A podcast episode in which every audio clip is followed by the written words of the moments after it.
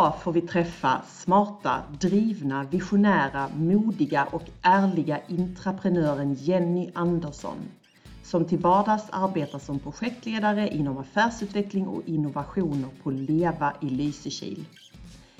Det är ett samtal om en energibransch i förändring och hur vi behöver arbeta framåt för att lyckas med energiomställningen. Det är ett samtal om att arbeta med detaljer och helhet.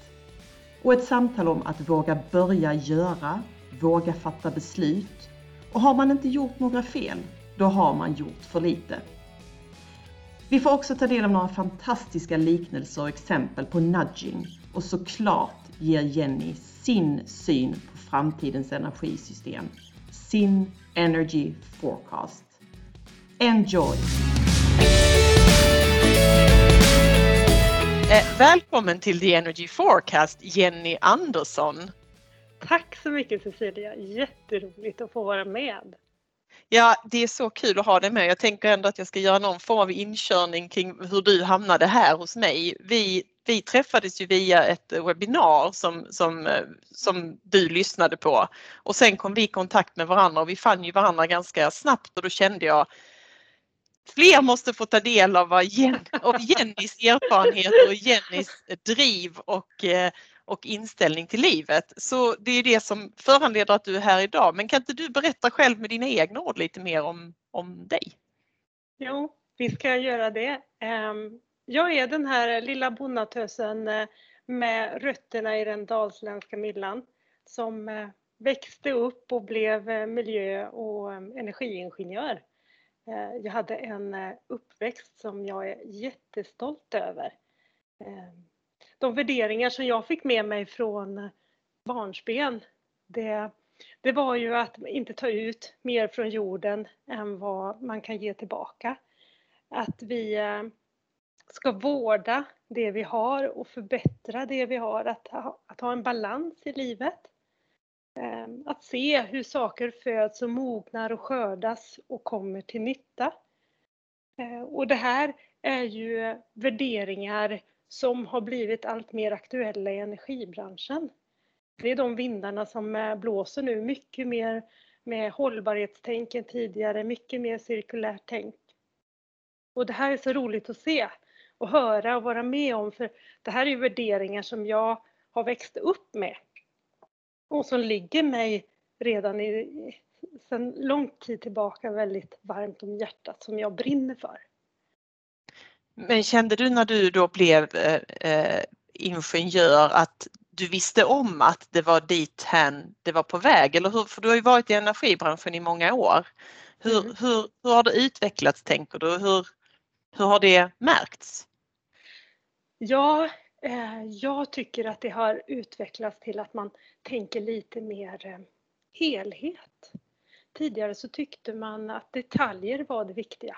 Nu ser man hur man kan få eh, samband att hänga ihop. Eh, hur det ena kan leda till det andra och de här cirkulära flödena där, där den enas restprodukt kan bli den andras resurs. Mm. Eh, och det har förändrats jättemycket tycker jag de, sen jag började i energibranschen för 20 år sedan. Var är du idag? Ja, idag är jag på Leva i Lysekil. Det är eh, Lysekils kommuns kommunala energibolag.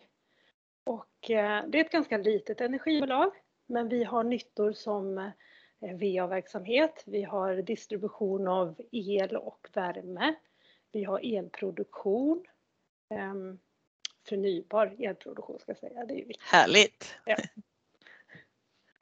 Men om vi går tillbaka då för 20 år sedan. Eh, berätta lite om din resa och vad du har fått vara med om? Jag har jobbat ganska länge med infrastruktur och samhällsnyttor. Och eh, när jag började så, så upplevde jag en enorm frustration över att jag var otålig, det tog så lång tid, det var så traditionalistiskt. Eh, det, det tog lång tid att få beslut, även om ledningarna själva tyckte att man hade korta beslutsvägar och, och platta organisationer så tog det tid. Och, och jag tyckte att vi gjorde saker och ting på omständiga sätt. Och det var så många involverade i saker och man kom liksom inte till skott.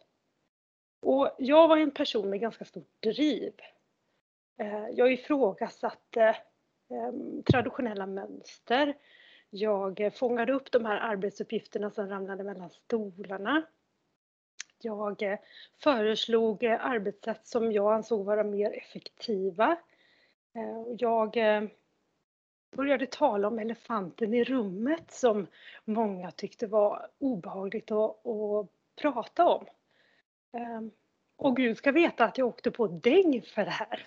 Ja men, men kan var... du inte berätta, fördjupa dig lite i det här för det här tycker jag är lite spännande ändå framförallt i en bransch liksom, för jag menar det är ju du pratar ju om en bransch som historiskt sett har varit väldigt traditionell och i många stycken kanske fortfarande är det.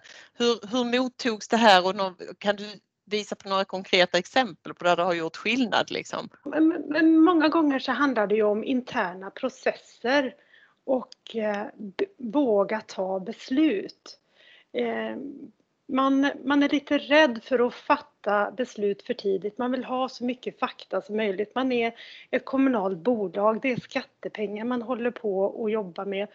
Och då blir det att man kanske är överförsiktig och att jag driver på att nu tar vi ett beslut och så, och så testar vi oss fram. Eh, vi provar, vi, vi har möjlighet att backa.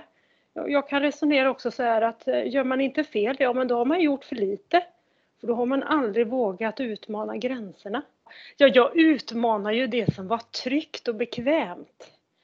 Ehm, och eh, en del tyckte ju att det här var toppen för de såg ju nyttan utav att driva en förändring. Eh, och en del tyckte ju att jag var skrämmande eh, eftersom jag tryckte på de här knapparna och, ställena som var lite obehagliga. Och personligen så tyckte jag ju att men, jag passar inte in här. Mm. Det, här är, det här är nog fel bransch. Jag behöver nå ut i den privata sektorn där det är lite högre tempo, lite mer driv och lite mer affärstänk. Mm. Men eh, sen för drygt fyra år sedan så råkade jag snubbla på en eh, artikel i flödet på LinkedIn. Det var en artikel från tidningen Arbetsliv där de beskrev intraprenörer. Mm. Och då trillade poletten ner hos mig. Att det var ju det jag var. Jag var mm. ju en intraprenör. Mm. Och det var ett helt nytt begrepp för mig. Jag hade inte hört talas om det tidigare. En entreprenör, det visste jag mm. ju vad det var. Men en intraprenör. Mm. Kan du beskriva vad en intraprenör är då? Ja, eh, egenskapen hos en entreprenör, det, det vet ju många.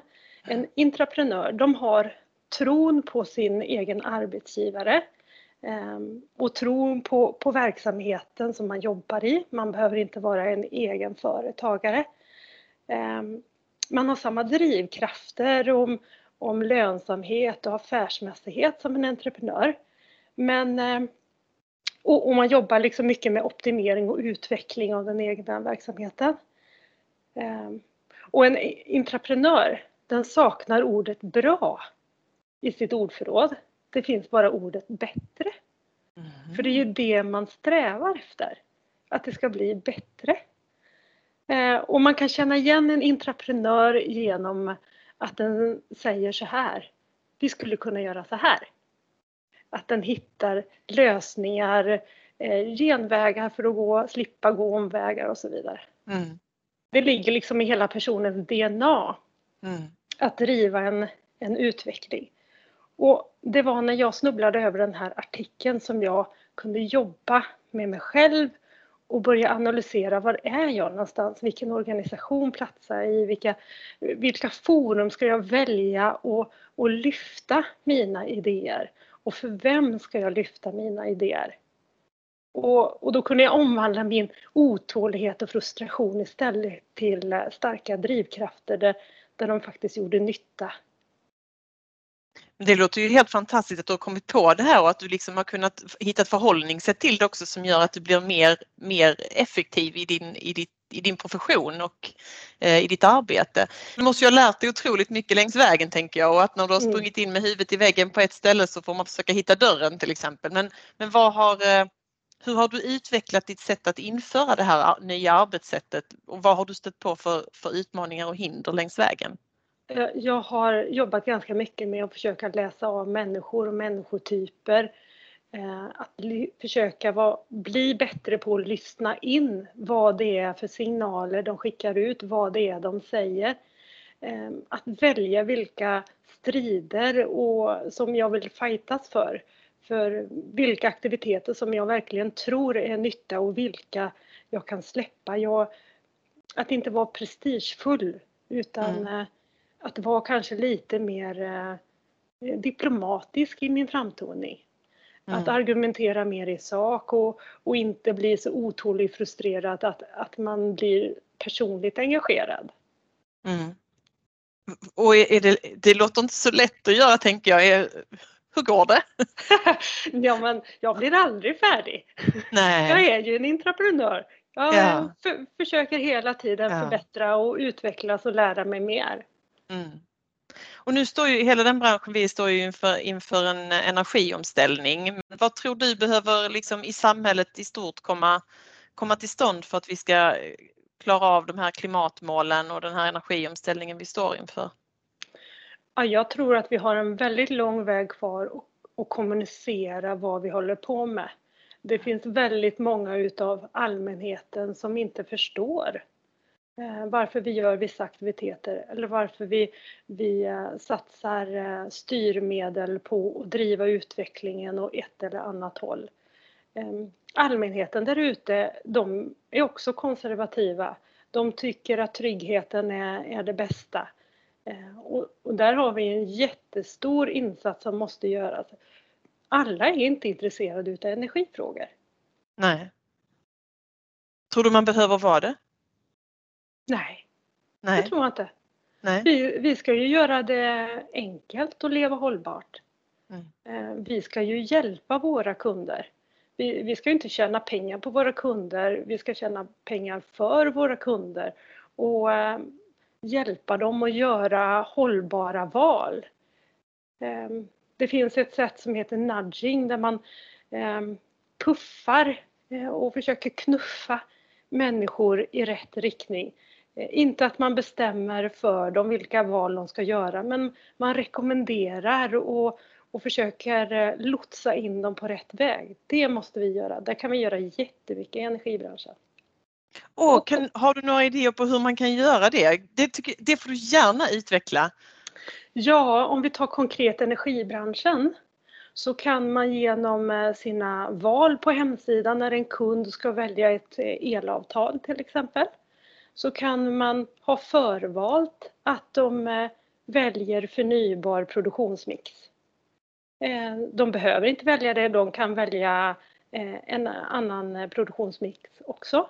Men är det förvalt, ja men då är det mycket lättare att behålla den för att den är rekommenderad och då litar de på att vi rekommenderar det som är bra.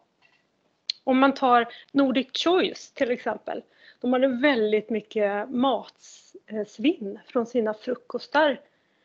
Folk älskar ju att äta hotellfrukost och det finns så mycket gott och man plockar och, och, och sen så inser man att man var ju inte hungrigare idag än igår. Och så kastar man en massa mat. För vad de gjorde på, eh, som åtgärd, det var att de införde mindre tallrikar. Mm. För folk lastade på lika mycket mat så tallriken var full så de upplevde att de Eh, fick lika mycket mat som tidigare. Men de kastade därmed mindre. Mm. Eller Liseberg, de hade eh, menyer. Där stod vegetariskt alternativ ganska långt ner på menyerna. Och istället för eh, att eh, ha den här uppdelningen så valde man att föra upp alterna, eh, vegetariska alternativ högre upp på menyn och istället för att eh, kalla det för sojabiff så kallar man det för sommarbiff. Och jag tror att de sålde mer, ungefär 74% mer vegetariska rätter bara mm. på att ändra menyn. Mm. Att hjälpa folk att göra mer hållbara alternativ. Ja. Ja, det var spännande. Tänker du, vad, hur tror du är förtroendet för energibranschen bland att du sa det här med att man litar på att det är ett bra val. Är förtroendet för energibranschen eh, tillräckligt bra? Är det, är, litar man på er, oss? Ja, det tror jag faktiskt att man gör. Mm. Ehm, ja, energibranschen har ett högt anseende, det, det skulle jag faktiskt eh, säga. Men vi kan vara mycket mer innovativa och uh, nytänkande. I love it! Vad roligt! Och hur, hur liksom kan det här med innovationer och ditt intraprenörskap, hur, hur gifter det sig och vad krävs för att det ska bli mer innovationsrikt i, i vår bransch? Ja, jag kan, alltså jag har ju en, en ja, energibranschen är ju traditionalistiska, man lever mycket kvar där. Man, man brinner för att ha en eh, god eh, leveranskvalitet och, och vara trygg i att eh, kunderna är nöjda med de produkterna och tjänsterna som man, man har sagt att man ska leverera. Och det är egentligen inget konstigt med det. Det är ju jättebra, men man blir också lite förändringsobenägna och, lite långsamma när man tänker så. Och, och energibranschen, de vill ju vara lite mer utvecklande. De signalerar det och, och, och vill sträva dit. Och då ser jag oftast att, att de sätter dit en person eller en funktion eller grupper och avdelning som jobbar parallellt med den mm. vårdande organisationen. Och så driver man eh, två parallella spår. Och för att frigöra resurser för att jobba med det här. Och jag tycker tanken eh, är god, men inte särskilt bra. Nej. För eh, jag tycker det har en tendens att de här två olika grenarna, de jobbar inte med varandra. Och de tittar på varandra och suckar och, och den ena grenen tycker att de andra är så konservativa och långsamma. Och den eh, vårdande organisationen, de tycker att de andra är alldeles för yviga och riskbenägna och så sitter man där och suckar åt varandra och inte förstår varandra för man pratar inte samma språk. Mm. Och jag tror att om vi ska ha framgång i energibranschen så måste vi jobba mer tvärfunktionellt. Där man jobbar med innovationer gränslöst. Att inte jobba i linjen, det är oh. det är som att svära kyrkan idag tycker jag, för det skapar bara murar och vattentäta skott. Och vad tror du behöver, vad behöver förändras och vad behöver komma till stånd för att det ska bli möjligt? Om man, det är kulturen som jag ser som behöver förändras och den eh, kan man jobba med bland annat genom eh, sina val av kandidater i rekrytering. Att man undersöker hur nyfiken och utvecklande är en kandidat. För får man in de här mer innovativa människorna i organisationen så bygger man sakta men säkert en förändrad kultur. Det, det låter ju som att du pratar om att man behöver ha ett mer agilt arbetssätt. Mm. Eh. Ja, och jag tänker tvärfunktionellt. För att om man jobbar i en organisation, låt säga att man jobbar inom en, eh, en elnätsverksamhet. Mm. Eh, och så har man ett dilemma där. Man är så låst i sina egna tankeramar. Men jobbar man tvärfunktionellt så kanske det kan komma någon från VA-verksamheten som har möjlighet att tänka friare och som kan influera för att den kan tänka utanför boxen. Och man kanske har verksamheter som har liknande problem men man löser dem tillsammans istället. Mm. Och att man blir ett team som löser problem istället för en linjeorganisation. Mm. Har du, har du sett exempel på där man arbetar på det sättet i, i vår bransch hittills? Ja men på LEVA gör vi faktiskt det. Och vi mm. satsar än mer på att göra det med företagsövergripande frågor som hållbarhetsfrågor och innovationer i vår verksamhet. Mm. Eh, och att man plockar kompetenser från flera affärsområden.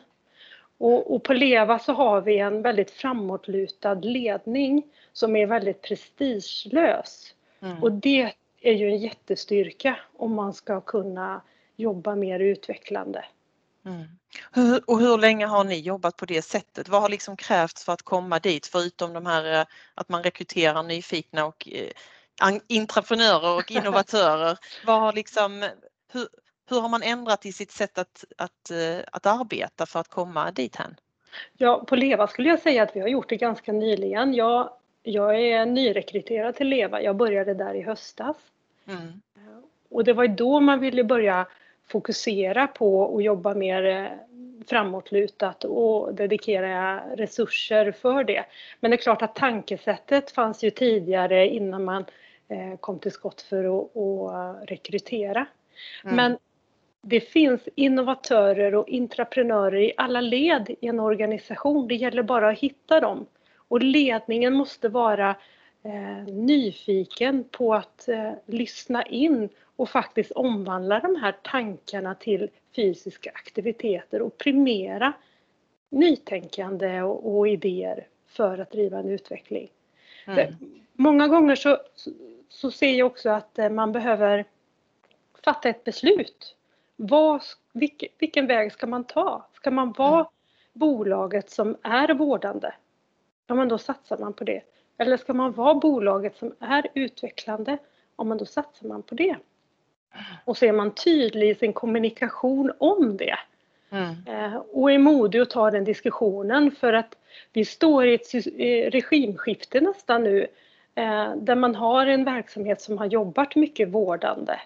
Och det är klart att ställa om det tankesättet det kräver ganska mycket mod eh, och ganska mycket kraft att klara av att göra det.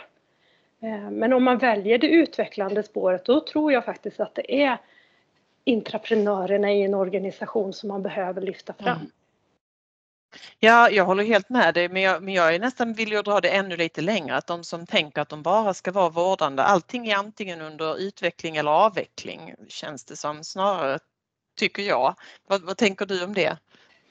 Eh, ja, energisystemet kommer inte se ut imorgon så som det gör idag. Så jag hade ju alla gånger eh, valt det utvecklande spåret. Mm. Men alla är ju inte som jag. Men tror du att liksom, nej, alla är inte som du, men, men vi ska ju... Eh, men, vi, men om vi tänker liksom hela energibranschen idag, det finns ju otroligt många företag och organisationer som, som har det här tankesättet som du har talat om att vi behöver komma lite grann ifrån kanske, att vi behöver mer innovation. Eh, tror du att kommer alla vara med framåt eller vad krävs för att liksom vara med i energibranschen framåt? Ja, ehm, det är ju att vara mycket, mycket mer eh, kundnära. Eh, jag tror ju att den stora utmaningen kommer finnas, eh, om, om vi tar elnätet till exempel, så kommer det finnas i lokalnäten. Mm. Där det kommer inte alls vara på samma sätt som det har varit. När man tänker förr under 1800-talet så var mm. vattenvägarna den stora transportleden. Mm. Eh, man lastade varor och gods på pråmar som drogs med hästar längs eh, kanalerna. Och sen när järnvägen började byggas ut så kom man på det att ja, men vi lägger rälsen längs kanalerna. Då kan vi ha större pråmar, lasta mer gods. Eh, lokerna kan ersätta hästarna så att då kan man eh, dra mer gods. Mm. Och det här idén det tyckte man ju var jättebra för det blev ju en effektivisering. Mm. Men sen kom man ju på det att järnvägen behövde ju inte alls gå längs vattenvägen. Den Nej. kunde gå precis var som helst. Man var ju inte beroende utav vatten alls. Och helt plötsligt kunde loken dra vagnar istället. Och vattenvägarna hade spelat ut sin, sin rätt. Det var ingen som ville föra gods längs eh, vattnet istället när man kunde köra det med tåg. Mm. Och jag ser att elnätet kan stå inför samma systemskifte.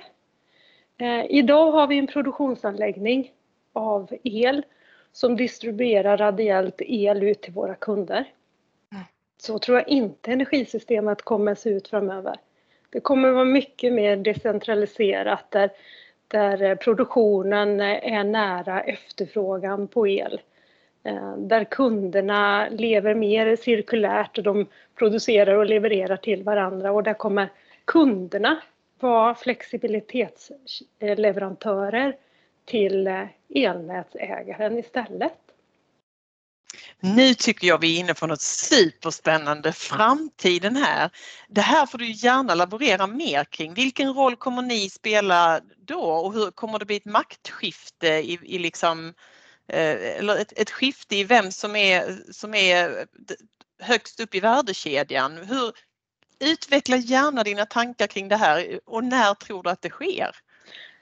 Ehm, ja, ehm, jag ser ju att det sker. Vi ser ju flera mm, energibolag som är långt framme eh, kring de här tankarna där, där de samarbetar med fastighetsägare som redan idag levererar eh, flexibilitetstjänster till elnätet för att stabilisera det.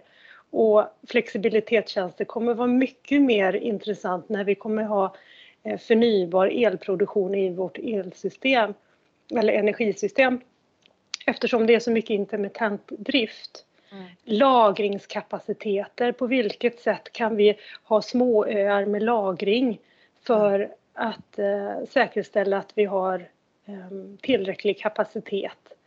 Eh, lokalnätet är den som jag tror kommer utmanas allra mest. Svenska kraftnät, ja men deras huvuduppgift är ju att transportera eh, energi ifrån norr till söder. Ehm, de, de kommer ju fortsätta med det. Mm. Men lokalnätet kommer ha, behöva ha mycket mer eh, dialog med kunderna, vara mycket mer öppna för förändringar. Jag tror ju att det här monopolistiska kommer att luckras upp mer och mer. Eh. Det diskuteras ju energigemenskaper. Det är ju mm. ett sätt. Mm. Eh, det, det, är egentligen det första steget. Mm. Att, att gå mot det här. Mm. Och vad, vilka politiska beslut tror du kommer behöva komma till stånd för energigemenskap? Jag pratade med en annan kollega i branschen idag som sa att på regeringsnivå så är man inte så intresserad av att fatta några beslut kring energigemenskaper. Så det är ju ett exempel. Men vad, vad tror du mer från politiskt håll behöver komma till stånd för att liksom vi ska komma fram mot den här framtidsbilden? Ja, en stor utmaning tror jag är vårt regelverk. Eh, kunderna har ett behov och en efterfrågan om, om att det ska vara effektivt och flexibelt och de vill ha det ganska snabbt. Eh, människan är lite otålig av naturen och regelverket hänger ju inte alls med. Det är så gamla regler och, och när de skapades så fanns ju inte de här tankegångarna som finns idag. Och jag tror inte man kan hålla på och fortsätta förstärka elnätet på det sättet vi har gjort, att gräva ner en kabel till som är lite grövre. Mm. Utan vi behöver tänka smart. Mm. Använda den teknikutveckling som finns och, och titta mycket mer på tjänstifiering. Mm. Men, men regelverket, det kommer ju vara en, en bromskloss. När mm. elnätet går från att vara vattenväg till att vara järnvägsburen istället. Ja, precis. Och, och, och, vilken roll, om vi tar i den regionen där ni själva verkar, hur, hur rustar ni för att vara beredda för den här omställningen som du ser, i kristallkulan? Ja, vi tittar mycket på förnybar elproduktion just nu. Mm. Eh, men det bubblar ju fantastiskt mycket om vätgas. Mm. Och, och, när jag började så initierade jag ett eh, Eh, en liten studie där vi tittar på vad, vad, kan vi göra med vätgas för att kunna bidra med nytta för våra kunder men också för regionen. Eh, vätgas har så många möjligheter. Om man tittar på eh, den organisation som regeringen tillsatte, Fossilfritt Sverige, mm. där man tittar på färdplaner på hur man ska gå från det fossilbaserade till det förnybara så är ju vätgasen eh, nämnd i flera utav de här färdplanerna som att vara en möjliggörare för att kunna klara av det. Mm. Och, och, där är ju vi jättenyfikna, där vill vi verkligen vara med och uh, driva utvecklingen. Mm. Men sen är det också att utveckla det man redan har. Ja precis. Det får kan man inte glömma. Ja, man exemplifiera? ja, vi har ju vindkraftverk Mm. Och de börjar bli lite till åren och har tappat i, i effekt. Ja, men vad ska vi göra för att de ska bli bättre? Mm. Eh, vi ska inte bara hitta på en massa nya saker utan vi ska ju vårda det vi har också. Eh, genom att använda smart teknik, eh, kanske kombinera det med energilager så att man kan få en jämnare produktion. Att, när jag jobbade tidigare på Innovatum Science Park i Trollhättan mm. så kom jag i kontakt med en liten ny värld. Där jobbade jag mellan gränslandet mellan forskning och näringsliv. Och det mm. finns så många bra startupbolag. Det finns så mycket teknikutveckling. Men det är ett litet dike för den här tekniken att implementeras i näringslivet. Och det var det som min roll bland annat gick ut på när jag var på Innovatum i Trollhättan. Det var att lotsa ut den här tekniken och få den etablerad. Och det tror jag att man behöver jobba med i energibranschen, att plocka in den, de här eh, nya innovationerna. Mm. Och hur tänker du kring, för det, finns, det är ju precis som du säger, för det här har jag ägnat lite tankeverksamhet åt också faktiskt, så nu, nu får vi väl dela lite. Eh, det finns ju otroligt mycket olika tekniker och, och, och, olika företag som har åtminstone på pappret tagit fram väldigt, väldigt bra lösningar. Hur, hur mm. ska man utvärdera vilken man ska prova och hur man ska... Har du, har du några tankar kring det? Hur, hur väljer man att man ska gå? Ja, eh, jag, jag tänker jag, jag, fick ett råd ifrån en väldigt klok eh, kvinna, Martina Wettin på Nilsson Energy att det är bättre att börja än att satsa för stort. Mm. Börja smått. Mm. För, för sen eh, lär man sig med vägen och börjar man smått, ja men då förlorar man inte så mycket om man har gjort ett felaktigt beslut. Mm.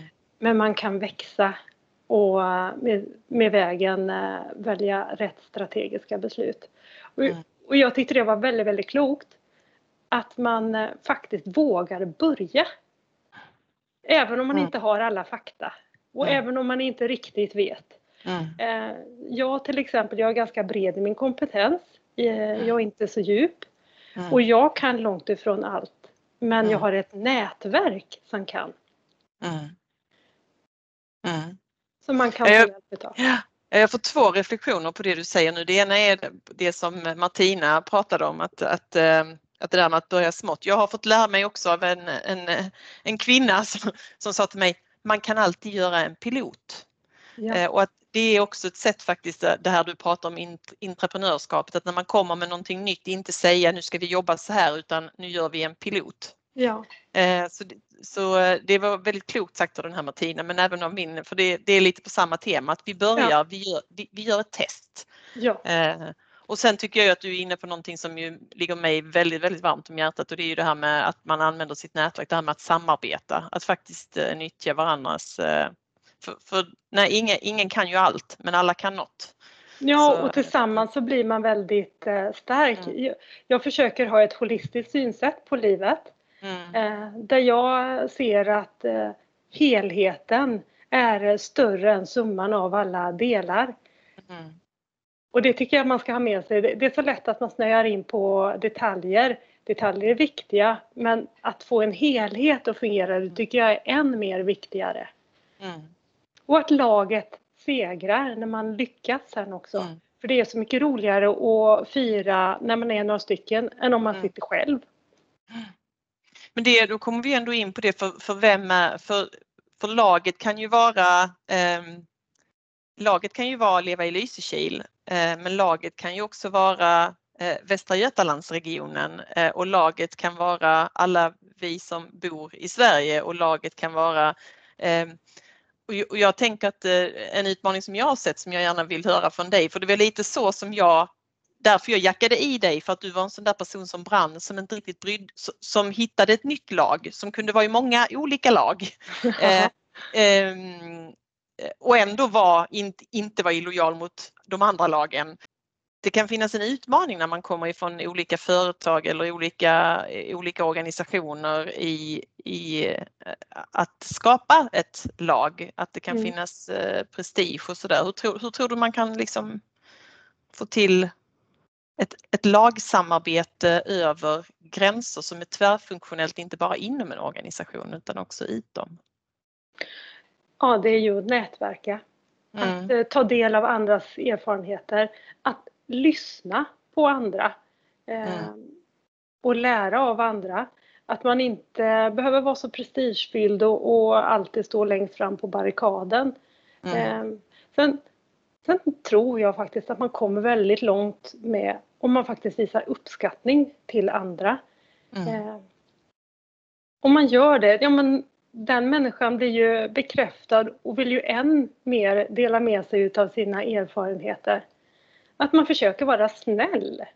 Mm. Det tror jag man kommer jättelångt med. Det, det, är lite underskattat att vara snäll. Men det tycker jag att man generellt sett i energibranschen är. Mm. I och med att det inte är några eh, ingen större konkurrens. Man är, arbetar inom sin kommun eller sitt konsumtionsområde.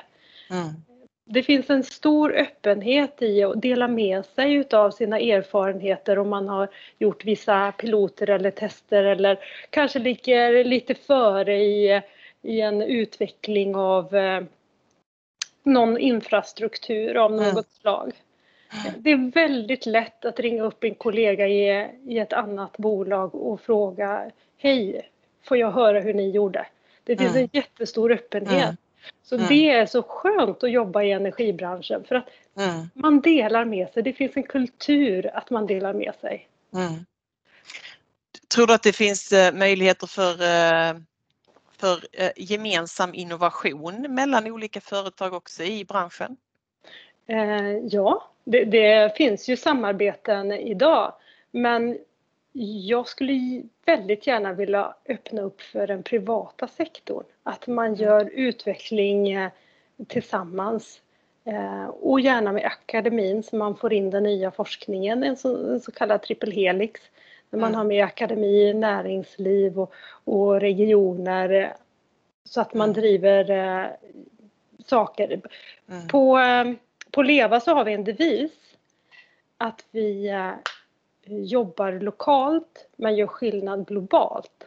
Mm. För det är ju faktiskt så när man jobbar med energi och miljöfrågor mm. så det jag gör här det gör faktiskt skillnad även långt bort. Mm. Var tror du att vi är om vi tar 2045 och vi får titta in i liksom framtiden.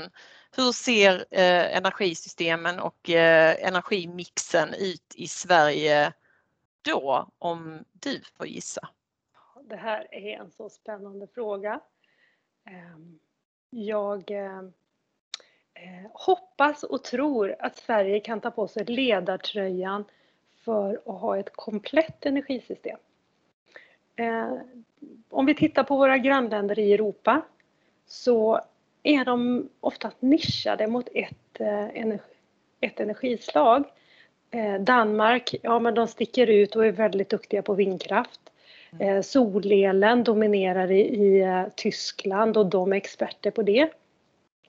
Men det är ingen som är experter på helheten, på mixen och hur får vi de olika energibärarna att samverka och hänga ihop. Det skulle jag vilja se till, till 2045. Eh, hur man kan få en balans i all den här eh, varianterna av produktionsenheter jag tror att kärnkraften nästan är borta. Mm. Eh, jag tror att solen kommer växa mycket, mycket mer. Men eh, solen kommer ha en utmaning om att den tar väldigt mycket landområden. Det kommer den få jobba med.